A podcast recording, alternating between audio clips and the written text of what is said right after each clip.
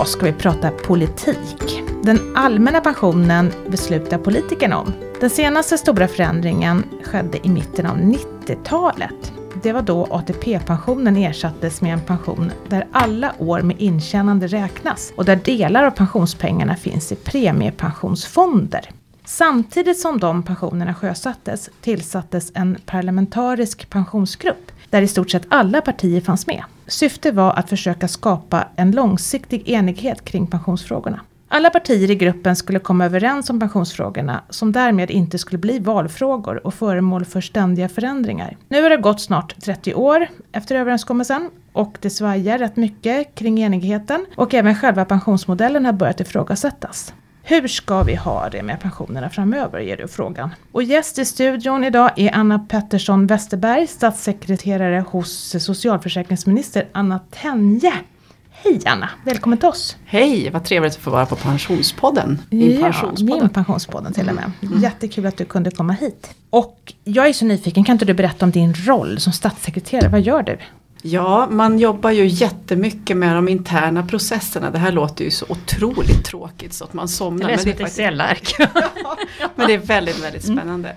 Mm. Ministern är ju väldigt mycket ute och talar och träffar media och träffar medborgare. Men som statssekreterare så håller man ordning ganska mycket på att vi gör alla saker i departementet, tar fram propositioner eller träffar myndigheter och sådär.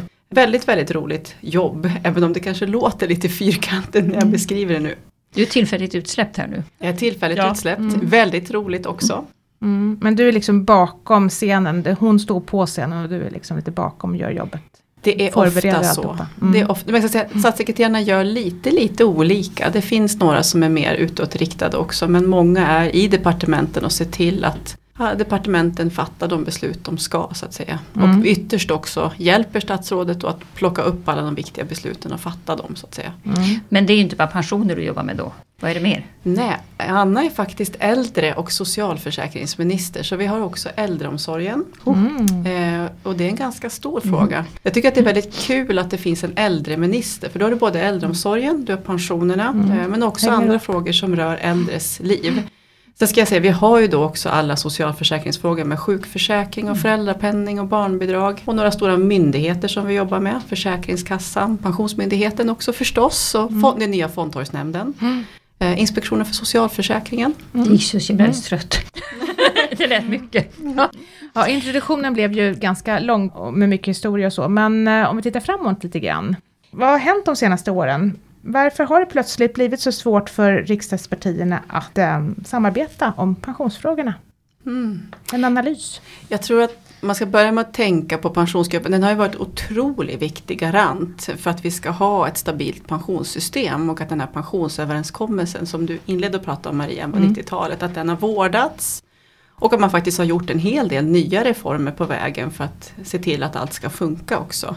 Eh, och det har varit en bred parlamentarisk förankring, åtminstone då på 90-talet. Mm. Eh, men det har varit lite stökigt på slutet och det är väl ingen hemlighet att vi har varit ganska kritiska från vårt parti och vårt samarbets, eh, våra samarbetspartier om hur det var förra mandatperioden. Det kom information om utredningar som startades via media och det har varit en hel del bekymmersamt. Men min enkla förståelse är att det är budgetuppgörelserna som har varit viktigare än pensionsgruppen. Så att de viktiga pensionsbesluten har tagits i det vanliga regeringsarbetet i budgetuppgörelser. Och där partier har varit med i de budgetuppgörelserna som inte är med i pensionsgruppen. Mm. Eh, och det här bottnade ju i att den förra regeringen inte hade stöd i riksdagen för sin politik. Och man måste söka samarbete med bland annat Vänsterpartiet. Och då var pensionsgruppen, eh, det var inte forumet för alla beslut beslut helt mm. enkelt.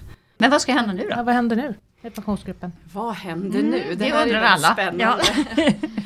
Ja. eh, vår bild har väl varit att vi vill otroligt gärna fortsätta värna pensionsgruppen. Vi har tyckt att den har tjänat Sverige väl. Den har funkat väldigt bra för att pensionerna och pensionssystemet ska få bra beslut. Eh, och vårt förslag har varit att försöka göra ett omtag av den här pensionsgruppen och se till att få med de partier som också faktiskt fattar beslut om budget. Vilket innebär? Ja, det betyder då att vi sa då i vår regeringsförklaring att eh, vi vill bredda gruppen till att bjuda in samtliga partier. Alltså även då Miljöpartiet som inte är med idag, Sverigedemokraterna och Vänsterpartiet. Men det är ju under förutsättning att man då också accepterar de grundläggande mm. principerna som finns i pensionssystemet. Jag tycker det här är ändå, man kan tänka på det som ett omtag i förhållande till 90-talet för då gick faktiskt också frågan till alla partier. Mm. Eh, då fick också Vänsterpartiet faktiskt frågan. Eh, men de valde då att kliva av för de ville ha ett förmånsbestämt pensionssystem som det heter, inte ett avgiftsbestämt som vi hade i Sverige. Men de andra partierna som då fanns i riksdagen var alla kvar. Men vi vet ju då Sverigedemokraterna fanns inte i riksdagen då och inte heller Miljöpartiet fanns i riksdagen. Så det vi tänker nu är att man får ta ett omtag, fråga alla partier igen med tanke på att vi då vill ha den här omstarten och få det att funka bättre. Och så får vi se vilka partier det är som, som vill vara med. Men jag ska säga att det här omtaget, vi jobbar ganska mycket med att prata med många partier just nu så förhandlingar pågår. Mm. Eh, mm. Och vart det tar vägen kan jag faktiskt inte riktigt svara på just nu. Men hela vår ambition är att försöka bredda gruppen och få den att funka väl igen. För vi vill att det där pensionsbesluten ska tas. Så man säger liksom inte ja, utan man, man, det är en förhandling om man ska mm. vara med eller inte? Det, det, är ju då så att alla partier måste vara med på att vi ska göra det här också. Att vi ska mm. fråga alla och att alla tycker att det är rimligt med de här principerna. Och som alltid i politik, alldeles oavsett om man förhandlar tidavtal eller vad det nu är man förhandlar för någonting så det tar lite tid. Alla måste få gå hem och fundera, man pratar med sina, sina inre liv i partier för att kunna förankra och sådär. Så vi håller på med de här samtalen och vi, vi är ganska, det ser ganska positivt ut, vi är ganska hoppfulla men jag vet inte riktigt faktiskt var det kommer att sluta. Det låter inte som att ni blir färdiga nästa vecka. Man vet aldrig Nej, när man blir okay. klar i en förhandling. Det är också mycket spännande, det har lärt mig på vägen här. Men, men får jag fråga ändå, för att eh, man kan ju ändå tycka att det kan finnas vissa demokratiska problem med en pensionsgrupp och pensionsöverenskommelsen gjordes ju faktiskt mellan två val. Och varför är det så viktigt att just pensioner liksom särbehandlas i politiken? Nej men jag tror att eh, pensioner tillsammans med några frågor till, till exempel försvarsfrågor och lite andra saker. Det är ju, de lämpar sig synnerligen dåligt för den här kortsiktiga dagspolitiken. Eh, pensionerna bygger på ett välfärdskontrakt mellan generationerna eh, som måste fungera över decennier, vara stabilt. Det måste vara förutsägbart om du fattar ett antal beslut, nu ska jag gå i pension eller nu ska jag få barn eller ar arbetsbeslut så att säga, så måste det vara ganska stabila spelregler. Man kan inte hålla på att ändra på dem hela tiden. Så man måste kunna planera sitt liv och det tror jag är eh, liksom en, en grund för att man ska ha långsiktigt stabila regler här och inte bara rycka upp dem. Eh, jag tror också det finns en, en risk i att pensionerna kan bli om det blir en stridsfråga, mm. om vi bråkar om det som vi gör på andra områden så kan det bli pensionspopulism av det hela. Eh, generationskrig. Generationskrig mm. eller att man, det blir överbudspolitik i budgetförhandlingar eller valtider och på ett sätt som inte gynnar vare sig pensionärerna, pensionsspararna eller pensionerna. Så jag tror att det här är viktigt att hålla i den här långsiktiga utvecklingen. Har du de andra partierna med dig på den diskussionen? Jag har väl uppfattat att samtalet i pensionsgruppen har varit på det här sättet mm. ganska länge. Eh, och jag uppfattar också i våra samtal som vi hade i Tidöavtalsförhandlingarna som jag hade nöjt att vara del av. Eh, mm. Där fanns det också ett intresse av att hålla en stabilitet och inte bara på pensionsområdet utan för Sveriges väl och ve och se till att vi får bra välfärdssystem och stabil tillväxt och allt det här övergripande som vi alla har att, att värna om.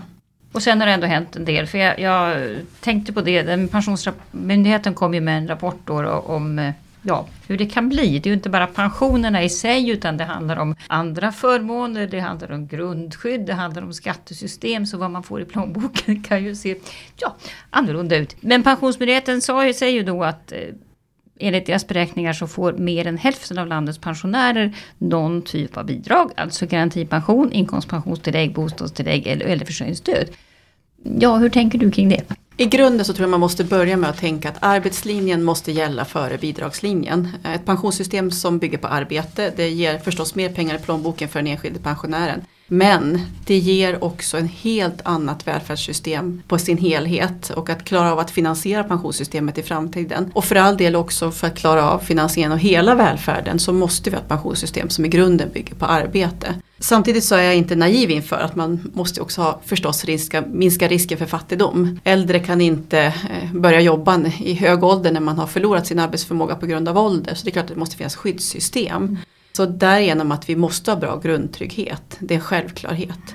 Sen, sen var väl, ska säga det också att Moderaterna och de andra samarbetspartierna var inte jätteglada över den här höjningen som skedde av grundstöden som skedde i valet mm. 22. Vi hade också i, vårt, i vår budgetmotion som det heter när man är i opposition så hade vi eh, förslag på höjd garantipension men inte så här hög. Och vi hade också det i kombination med förslag om sänkt skatt. För det skulle ändå ha hållit lite mer lönsamhet i att arbeta och det här det så kallade respektavståndet, alltså skillnaden i pension mellan de som har klivit upp på morgonen och gått till jobbet och arbetat varje dag i 40 år och de som inte har gjort det eh, hade ändå kunnat bibehållas lite mer än vad det gör eh, utifrån de här reglerna som har gjort, blivit eh, läget nu. Så det är lite bekymmersamt som det ser ut nu. Sen är det ju ett läge ska jag säga också där det inte är helt okomplicerat på grund av den inflationskris Nej, vi är i. Och den utgiftskris vi är i där många pensionärer betalar ett högt pris för de har små marginaler. De ska också handla och äta varje dag och klara av sina utgiftsökningar. Och där gör vi ju viktiga saker. Den är ju prisindexerad garantipension så den skrivs ju upp automatiskt med de prisökningar vi ser även om det sker med viss fördröjning. Så det är bekymmersamt att det ser ut som det gör framförallt på lång sikt. Men i det här läget så är det lite också som det är. Mm. Man kan ju tänka att lite grann att ni kanske tyckte att det var ganska skönt att de fick den där tusenlappen i garantipension med tanke på inflationen, eller? Mm. Det man kan tänka att det, det, var, det kommer två steg i den här höjningen. Mm. Dels regeländringen och sen kompensationen för inflationen ja. också. Det blev ju mycket. Det blev ja, ju... det varit mycket och ja. det varit många som omfattas. Så ja. i grunden så, i det här läget så, så är det som det är på grund av att det är så höga utgifter. Men på lång sikt så är det här förstås inte bra för det gynnar inte eh, arbete och det bidrar inte till ett pensionssystem som, där arbetslinjen gäller. Nej, och då förs ju diskussionen kring att ett sätt att faktiskt öka respektavståndet är ju att höja inbetalningarna till systemet. Och det kan man väl göra på olika sätt och liksom, ja, det kan heta allt möjligt. Men behövs det en höjning? Alltså jag tror man måste börja änden av att man ska helt klart för sig att inbetalningarna till hela pensionssystemet har ökat kraftigt de senaste decennierna. Varför då? Jo, det har handlat om ökade avsättningar till tjänstepensioner. Mm, så ja. parterna har faktiskt förhandlat fram allt högre avsättningar till tjänstepensioner. Särskilt som en följd av att vi har tyckt att det varit låga pensioner. Man har avstått i löneutrymmet här. Vi vet ju att på 90-talet då satte man av ungefär 3,5% i tjänstepension. Det höjdes till 4,5 någon gång på 90-talet. Det var ITP som var först ut med det. Idag så har vi en hel del system där de sätter av 6 procent. Offentlig sektor. Offentlig sektor. Mm. Bland annat jag har hört också att de, de har börjat förhandlas på andra fronter för att nå de här nivåerna. Och då betyder det att totalt sett så börjar vi nu sätta av kanske 23, 24, 25 procent av våra löner i pensioner totalt sett. Både i allmän och tjänstepensionerna. Och nästan som man börjar fråga sig att ja okej okay, vi ska börja jobba väldigt sent. Eh, vi ska sätta av 25 procent under tiden vi arbetar och sen så ska vi gå i pension tidigt. Är det, är det verkligen en rimlig avvägning? Vill vi, vill vi ha det så? Ska vi inte tänka på att kanske höja pensionerna, börja jobba tidigare? Minska incitamenten att jobba deltid. Är det en lika viktig väg framåt som att höja avsättningarna? Ja, jag, jobba flera timmar. Ja, det, det, det är ett mm. alternativ. Ja, ja. Um, sen ska man ha klart för sig att en, en höjd avgift, det är klart, det kostar ungefär 22, 23, 24 miljarder kronor att göra det. Och det kan man inte ta ut på något annat sätt än att det blir en skattehöjning i någon form. Mm. Någon måste betala mm. Mm. och det är ganska mycket pengar. Det kommer få effekter på tillväxten. Alla de här pengarna kanske inte heller tillfaller hushållen. För vi vet att en del av det här utrymmet är redan försäkrat av de här tjänstepensionssystemen. Så vi ska höja skatterna ganska rejält, alla pengar går inte till pensionärerna. Jag är inte helt övertygad om att det är rätt väg att gå. Man måste åtminstone analysera det här ordentligt. Kan det bli så att vi får så bra pensioner så vi tycker att vi kan sluta jobba av det skälet? Jag vet inte nej, riktigt nej. men man måste i alla fall gräva lite djupare i den här frågan. Mm. Och tanke på att det är så långsamma system. Vi, alldeles nyligen har vi höjt våra tjänstepensioner och så får det effekt om 20 år. Så vi kanske måste tänka oss för lite grann hur vi gör och vad vi gör. Mm. Du är lite tveksam med andra ord. I alla ja. fall lite Nej. fundersam och vill ja. analysera det här i grunden. Mm. mm. Och det ska, Moderaterna har ju gått med då på den här uppgörelsen från december 2017 att göra en analys av mm. detta. Mm. mm. Eh, men, men inte mer än så i det här läget. Och på vägen dit då har vi ju det här inkomstpensionstillägget som ställer till det för min pension eftersom vi då inte tar med det i våra prognoser eftersom vi ju faktiskt inte vet om det finns på riktigt. För det är ju en slags nödlösning och det är ju inte sagt att det ska vara för evigt på något sätt. Så hur ser framtiden ut för det där tillägget? Och ska vi nu förklara vad det är? Det är alltså för de som har en relativt låg pension och som får en väldigt liten utdelning jämfört med de som inte jobbar alls. Kanske för att de har jobbat väldigt många år men med låg lön. Eh, och då har man ju tyckt då i rättvisans namn, eller vad man nu ska kalla det, att de ska få lite påökt och då får man det här extra bidraget som heter inkomstpensionstillägg. Och det var från 1920, eller 2021 tror jag som kom det. Ja, blir det någon framtid för inkomstpensionstillägget tror jag? Det finns ju i allra högsta grad. Ja. Sen har jag stor förståelse för min pension, vad man väljer att programmera. Nej, det är så krångligt, ja. Nej, men, det, grejen med att vi inte gjorde det, det var ju för att vi vet ju inte om Nej. det är ett permanent tillägg. Nej, det ställer till det Så för att det, oss. så att, Nej men inkomstpensionstillägget var ju en del av budgetuppgörelsen mellan januariöverenskommelsepartierna. Det var Socialdemokraterna, eh, Centerpartiet, Liberalerna, Miljöpartiet. Och Moderaterna och Kristdemokraterna jublade ju inte över Mm. direkt till det här tillägget. Och det togs också i en budgetuppgörelse, inte huvudsakligen i pensionsgruppen då. Men framförallt så var det problematiskt att det togs då pengar rakt ifrån statsbudgeten och finansierade det här fast det är då en del av inkomstpensionen. Det som står, det är alldeles rätt som ni säger. Det står att det är ett tillfälligt bidrag som sen ska ersättas av någonting annat för att nå högre pensioner. Och det framgår i den här propositionen. Eh, Vad som ska hända med det här, det behöver ju tas i pensionsgruppen såklart. Så Som inte finns. Nej, som när, den, när den kommer igång så får den väl ta upp det då på någon av sina agendor helt enkelt. Så tills vidare så kommer det vara kvar, så kan vi sammanfatta det hela. Det är väl kanske oklart. men Ja, men, men du säger ska ersättas av någonting annat. Det står inte kan ersättas utan det ska ersättas av någonting annat. Jag vågar faktiskt inte säga vad det står Mm. exakt i den här uppgörelsen men det är hela intentionen i alla Mm. fall i att det här är ett tillfälligt bidrag som ska ersättas med någonting annat. Jag vet att vi moderater pratade om att vi ville skifta det mot sänkt skatt men Mm. det är såklart att det, det vet vi inte. Vi måste ju göra en uppgörelse om detta då förstås i pensionsgruppen. Vi återkommer till skatterna. Men vi tänkte ta gasen också. Ja. Så vi får något roligt att prata om här. Gasen, alltså det finns mycket pengar i ladorna. Och kanske faktiskt mer än vad som behövs, åtminstone här och nu. Och vi har pratat om det i några poddar tidigare, om den här gasen. Mera pengar är ju alltid roligt. Eh, men det finns det ju ganska oklart. Dels eh, hur mycket mera, vad man ska göra med dem och vem som ska ha dem. Så nu frågar vi ju då politikerna här, hur blir det och när får vi pengarna? Jag tror att det här är en av de frågor som kommer att vara eh, bland de första som en pensionsgrupp kommer ägna sig åt.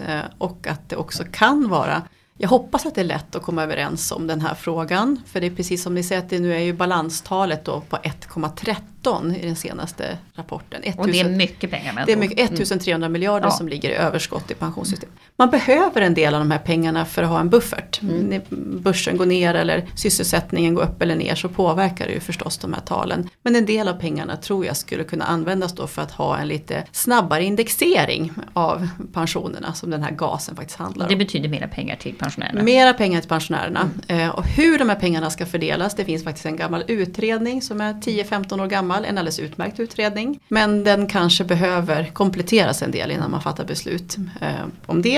Eh, och apropå den här frågan du säger, vems, vems är pengarna? Mm. Hur ska man dela ut det här? Ska man smeta ut över längre tid eller ska det komma en större summa direkt? Eh, vilka pensionärer är det som ska få de här pengarna? Eller vilka blivande. ja, eller blivande, blivande. tänker jag också faktiskt. För vi har ju också varit, ja verkligen, har kämpat i alla år.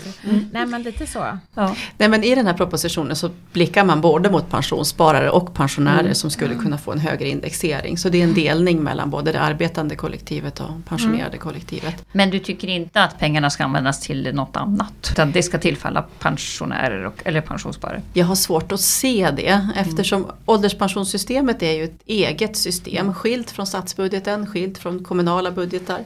Och det är där pengarna ligger och det är där de har genererats. Så jag har svårt att se det. Och särskilt eftersom vi vet att det har ju också varit balanseringar när, när Just ja. pensionerna då indexerades lite mindre snabbt än vad Bromsen. Ja, ja. precis, Mm. bromsen. Så jag, jag tror nog det. Ehm, Men det här är också återigen en fråga som behöver förstås diskuteras politiskt. Det är ju lite konstigt att man inte har egentligen tagit den diskussionen kan jag tycka.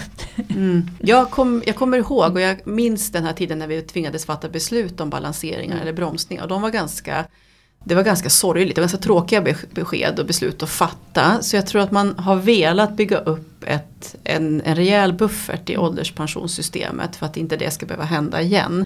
Och sen kan man säga att den här ökningen, om man tittar över siffrorna över tid så har ökningen varit ganska kraftig de senaste åren. Mm. Så frågan är aktualiserad nu för att det är nu pengarna börjar öka, öka på lite grann. Det var som först så sa man att bromsen aldrig skulle inträffa och sen sa man väl egentligen att gasen aldrig skulle inträffa. Men saker och ting händer men det är ju kul. Ja, jag minns den där stackars utredningen. De satt och jobbade precis när det var som kämpigast ja. med de här balanseringarna och bromsningarna och alla sa men håller ni på med en gas? Det är ju helt inaktuellt. Ja. Eh, det är ingen som engagerade sig i deras intressanta utredning. Mm. Men nu några år senare, något decennium senare så. ja. Det är det som är kul med pensioner. Plötsligt blir det sant. Plötsligt kanske det går att använda. Ja. Det är roligare med en gas än med en broms i alla fall. Mm. I dessa tider låter det väldigt kul med gas. Mm. tycker jag. Ha, men sen är det grundskydden också. Och hur de ska se ut i framtiden. Eh, och du, återigen då, eftersom du pratade om att ett av pensionsgruppens arbeten, eller varför pensionsgruppen finns, är ju för att man på något sätt ska ha en slags framförhållning och det kanske inte minst gäller de som riskerar låga pensioner. Jag tänker också på utrikesfödda och andra som vi faktiskt redan nu kan säga att de kommer inte få mycket pension. Det kommer liksom att bli problem kan man säga. Det vore bra att veta hur grundskydden ska fungera. Liksom, hur tänker du kring grundskydden? För det är ju, de är väldigt spretiga. Det finns ju då garantipensionen som då så att säga, kommer per automatik men, men där man är beroende av boendeår i Sverige. Äldreförsörjningsstödet är ju ett försörjningsstöd för äldre. Sen har du bostadstillägget som man då ansöker om och det gör du ju inte med äldreförsörjningsstöd. Alltså det, det är en mischmasch av olika stöd. Man kan till och med planera för de här stöden. Är det bra det? Ja, det, är en, det är ju en bra fråga ska jag mm. säga. Och det, det, är inte oproblematiskt som det ser ut. Och det är ganska svårt även som proffs, som ni och som andra som man träffar som håller på med pensioner mycket, att faktiskt förstå och förklara alla system. Sen finns de ju där av en anledning, så det brukar vara ganska komplext att göra förändringar och framförallt med människor med väldigt små resurser, mm. för det slår så hårt. Mm. Eh, det brukar också vara ganska politiskt impopulära beslut eftersom det är människor som är utsatta. Men om man tänker sig till exempel utrikesfödda, ta mm. den delen först. Så där har man då skapat ett system för att man ska kunna fånga upp de som inte har 40 års bosättningstid i Sverige. Och det handlar om det här äldreförsörjningsstödet då, som ska kunna komplettera den ersättning. Men jag vill också verkligen uppmana om man är utrikesfödd att försöka leta upp om det finns pensioner på hemmaplan mm. som man hade innan man kom hit. Man kan ju ha både intjänad allmän pension och tjänstepension från det land man kom. Och även kopplat till arbetsgivare, alltså på en nivå som vi inte riktigt är vana vid i Sverige.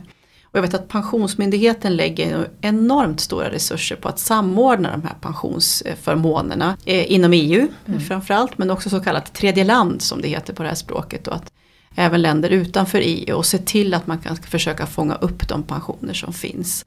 Eh, så det är väl liksom de viktigaste sakerna att tänka på. Ehm. Vi har inte pratat sparande så mycket. Men kan det finnas grupper som faktiskt kan behöva någon typ av sparande? Det behöver ju inte vara något så att säga gynnat av politikerna och subventionerat på något sätt. Mm. Men, men, men räcker pensionen till alla eller kan du se riskgrupper? Mm. Nej men det är klart att det kommer finnas grupper som, som behöver komplettera och jag kan verkligen rekommendera min pensions hemsida och göra en pensionsprognos. Ja, jag tycker det är otroligt mm. viktigt. Gå in och gör en prognos och skaffa dig en information om hur det ser ut för just dig. Eh, det är helt centralt och nu är sidan så lättillgänglig och lätt att använda. Och gör, gör en, en test och, och titta ner på ditt hushåll. Kan ni spara en slant om ni behöver det? Det finns ju eh, en del av den här regeringen jobbar ju för att vi också ska utöka ISK-sparandet. Mm. Eh, men det är generöst redan som det är idag också. Så försöka hitta former för att spara, det är alltid, alltid bra. Så det där tror jag är en, en viktig del. Men du tycker inte det behövs någon alltså pensionssparande om man säger så? Moderaterna har ju drivit att det ska få finnas ett privat subventionerat pensionssparande. Inte riktat till särskilda grupper men det är någonting som ligger i våra stämmohandlingar som vi har fattat beslut om. Det som sen kommer att bli samarbetspartiernas förslag är ju det då förslaget om ISK som finns med i Tidöavtalet. Att försöka utöka och jobba vidare med det. Eh, så där befinner vi oss ungefär i sparfrågan just nu. Ja, man kan ju tänka i dessa tider, jag tror vi hade med i en podd också, att det kan ju vara ett problem om man har ett sparande som är inlåst till 55 och så ska man liksom betala elräkningarna nu. Mm. Men det finns verkligen för och nackdelar med den här inlåsningsdelen. Jag har tänkt på den ofta som någonting ändå ganska positivt. Att det finns inlåsningssparande också. För det, det är inte lika lätt att använda dem för Nej, det är det som är, precis. Men det är klart att ett ISK-konto i ett sånt här läge och du behöver verkligen pengar för att kunna bo kvar eller någon, någon kris händer. Eller om ja, någonting oförutsett händer så finns det fördelar med det också. Ja, och så är det ju skatterna då. Mm. Eh, ja, även vi får ju då frågor från den här gruppen födda 1957. Kom en senast idag. Ja, kommer senast idag.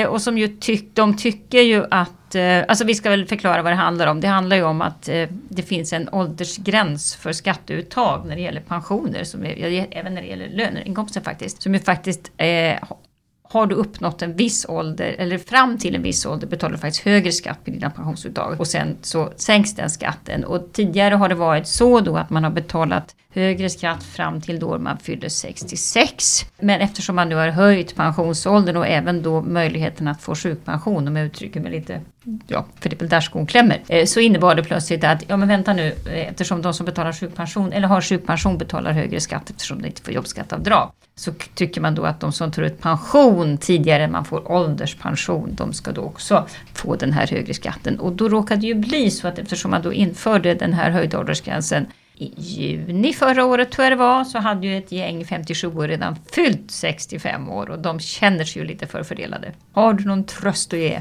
Jag vet inte riktigt om jag har någon tröst att ge. Det här är ju en följd av den förra regeringens beslut ska jag Åh, också ja. säga också dessutom. Inte vårt fel! Nej, eh, men, men det är klart att det som jag tycker är eh, det är ju en del av alla pensionsåldrar höjdes. Det var ju det som hände. Riktåldern, vi, vi är på väg mot en indexering. Det höjdes ett antal steg i olika både förmåner och skattesystem och en del av det var också då förstås att skjuta upp det här skatteuttaget och därför så kom just 57orna i kläm just nu. Och eh, det jag tycker är kanske bekymmersammast i detta, det kanske inte är själva skattefrågan i sig möjligen, men det är att man inte hade informationen. Nej. Apropå det här med att planera och kunna förutsebarhet. Där tycker jag att man har kunnat gjort mer. Eh, Kanske framförallt den förra regeringen som är lätt att skylla på. Men kanske också vi hade kunnat varit mer förutseende och berättat mer för människor att den här effekten skulle uppkomma. För det, det är klart att människor ska kunna planera sin pensionering på ett bättre sätt. Eh, men sen det, är ju förstås också eh, speciellt när det sker mitt under ett beskattningsår. Eh, och ni vet att mm, ni som har jobbat med skatter att man flyttar ju inte heller beskattningar under enskilda tidpunkter under givet år och sådär. Nej, nej. Så, och det, det är ju inte heller så att den här frågan kommer vi ju ha med oss igen när det är så att pensionsåldrar kommer att höjas. För det kommer Fast att då är man ju lite mer förberedd. Då kan man kanske Mm. vara lite mer förberedd. Ja, Det, det jag ska säga var att vi hade ju en utredning, pensionsåldersutredningen. Jag har ju haft den här tjänsten förut, trevligt nog. Mm. 2010 till 2014 jobbade med Ulf Kristersson då, statsminister. Just det, då var han, Socialdepartementet. då var han socialförsäkringsminister. Och då jobbade vi med de här frågorna i pensionsåldersutredningen 2011 och vi försökte göra listor över allt, allt, allt som skulle ändras om det vart en höjd pensionsålder. Ni vet SL-kortet, Mm, eh, alla förmåner, assistansersättning. Du vet, det var så mycket långa listor. Och då så sa Fastighetsskatten till och med. Fast du vet det finns hur mycket, Ja. 65-årsgränsen finns på så många Ja. ställen i den svenska skattelagen. Och i förmåner också för all del. Och vi sa att det kommer att bli komplext att fånga allting. Mm. Och jag tror att man ska se den här frågan i det ljuset.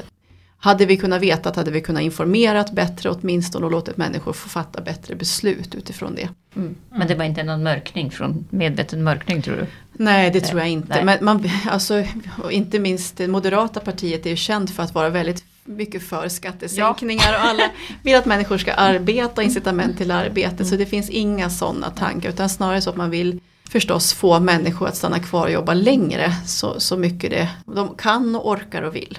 Det, gynnar vi, det gynnas alla av, både det enskilde och Ja. vi som samhälle. Men vi 57 år får ingen skattelättnad i vårbudgeten. Nej. Och jag var så glad över att det, det, det vet jag inte riktigt hur det kommer gå med allting. Eh, Men det är väldigt kul att få prata podd med dig Kristina som Ja, är 57 som är 57 år ja, kvar. ja. Medvetet hållit igen lite grann men nu får vi så mycket frågor från andra. Så Men vi får också väldigt mycket frågor. Jag tror också våra myndigheter Myndigheter får väldigt mycket frågor om detta. Mm. Ja, men, det är som det. men jag är mer fascinerad egentligen, eh, inte så mycket av 57 men utan att det är så stora skattekonsekvenser. Och de är verkligen stora. Vi pratar ju liksom om tusen lappar i månaden i sänkt eller höjd skatt. Och det här tror jag kommer som en överraskning för väldigt många som går i pension eller fortsätter att jobba eller vad som helst. Alltså, varför är det så stora skillnader? Det har ju drivits framförallt av att det är så billigt, det är så låg skatt på de som faktiskt väljer att jobba kvar. Mm. Det här är ett sätt för politiken att försöka locka människor som har stark arbetsförmåga och som vill och kan och har möjlighet att jobba kvar efter 65 att säga att du får nästan ingen skatt om du gör det. Så det är ju det som har varit hela tanken. Och jag tror att det är därför också det är ganska stora skillnader. Det här skedde ju stegvis och har skett under kanske ett mm. decennium eller mm. mer. Eh, stegvis försökt få fler och ganska många som har tagit chansen och nappat på det här och faktiskt också jobbar kvar. Vi ser att det är fler som stannar och försöker jobba en stund till. Så det är ju grunden ett ganska klokt system tycker jag. Att man får människor som att jobba kvar en stund till och vi kanske också det här är förstås en, en fråga för parterna, men att försöka hitta former för flexiblare former att få stanna kvar. Kanske inte jobba de här 40 timmar i veckan eller 50-60 som många jobbar också som jobbar mycket timmar. Utan hitta former för att faktiskt eh, kunna jobba lite mindre, några dagar i veckan men att vara kvar. Men det är det som är det viktiga. Nej, och där får man ju ändå säga att där funkar skattesystemet ganska bra för jobbonärer. Alltså det vill säga man betalar den här lite högre skatten på den här pensionen då som man tar ut tidigt. Men du kompenseras rätt bra av jobbskatteavdraget på den del som är lön. Ja. kan man väl vara ett medskick till de som undrar. Ja, jämställda pensioner. Hur tänker du där? Ska kvinnor oroa sig mer än män för att bli fattigpensionärer i framtiden? Ja, och jag tror att det absolut viktigaste man måste göra det är ändå för att höja kvinnors pensioner det är att öka kvinnors arbetsdeltagande på arbetsmarknaden. Fler kvinnor måste äh, kunna försörja sig själva. Våga satsa på yrken som ger mer betalt, ta mer ansvar på jobbet. Ansvaret för barn och hushåll, dela det mer med sin make och maka. Dela på föräldraledigheten, vård av sjukt barn. Annars så går det inte att nå högre pensioner för kvinnor. Och här kan man ju känna en frustration över att jämställdheten går så otroligt långsamt. Om vi jobbar vidare med den minskningstakt vi har nu då sluts inte gapet förrän 2062 har jag sett beräkningar på. Ja. Vi har ja. sett en annan effekt av det också. Vi ska ha en podd om det faktiskt också. Det finns ju den andra sidan, det vill säga när man blir äldre. Många kvinnor vårdar mm. mammor och pappor eller eh, barn med psykiska ohälsoproblem och sådana här saker. Och de slutar ju också jobba tidigt eller går ner i arbetstid. Mm.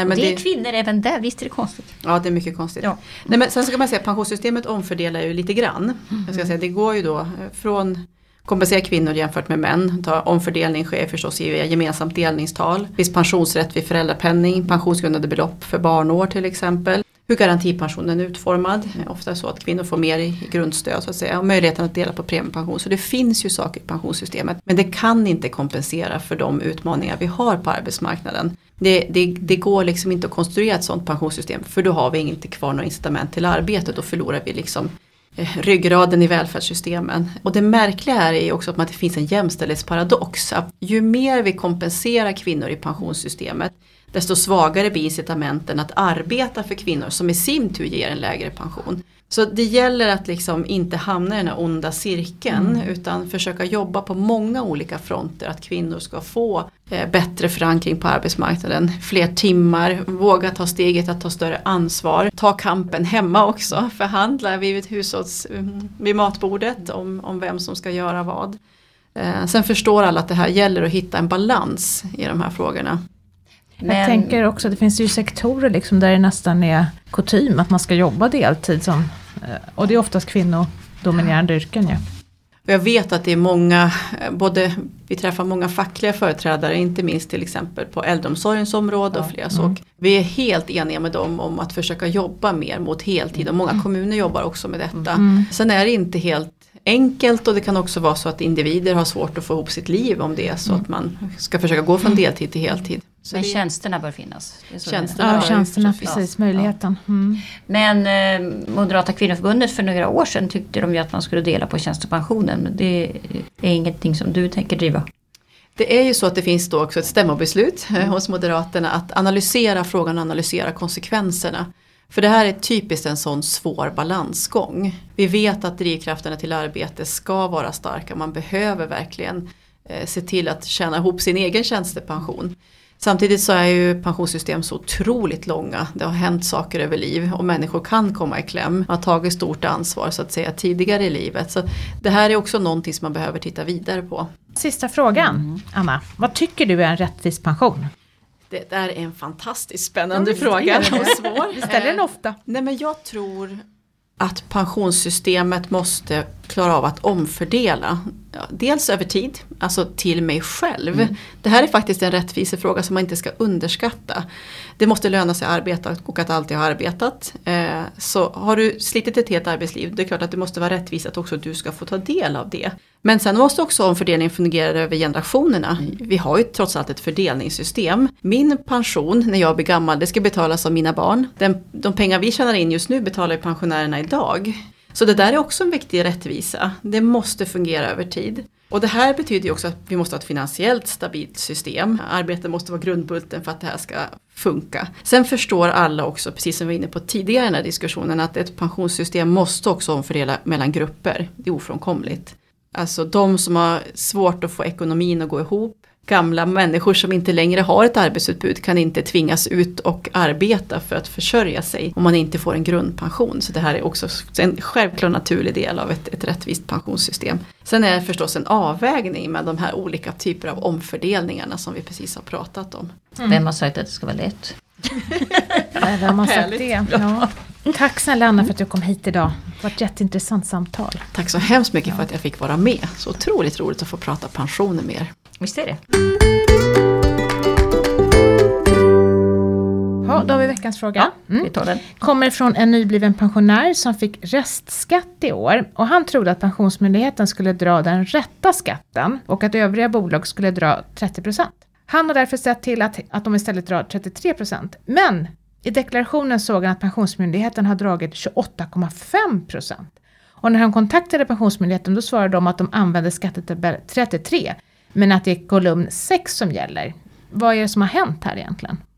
Jag tror att det kan vara en ålder, han är 64 år. Ja, och som vi sa tidigare, ibland betalar man ju högre skatt för man är en ung pensionär. Och det är då skattetabell eh, kolumn 2 tror jag det är. Jag ska inte vara bombsäker på kolumnerna men det är förmodligen där det har hänt. Annars så är det precis som, som han säger egentligen att Pensionsmyndigheten ska dra så att säga rätt kommunalskatt givet i den kommun du bor i. Och sen så ska man helst prata med de andra, alltså tjänstepensionsbolagen och eventuella privata pensionsförsäkringar så att de drar rimlig skatt också.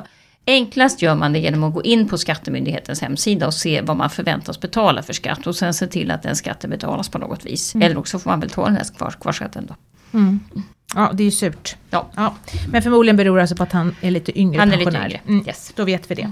Och det var allt för oss idag. Tack för att du har lyssnat. I avsnittet har du hört Anna Pettersson Westerberg, statssekreterare åt Anne Tenje. Du har också hört Kristina Kamp och mig, Maria Eklund från Min Pension. Och Min Pensionspodden produceras av Min Pension som en oberoende tjänst i samarbete mellan staten och pensionsbolagen och som ger dig bättre koll på dina pensioner.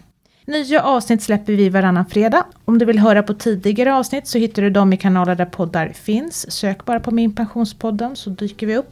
Och om du följer podden i din poddkanal så får du en push varje gång vi släpper nya avsnitt. Det är bra.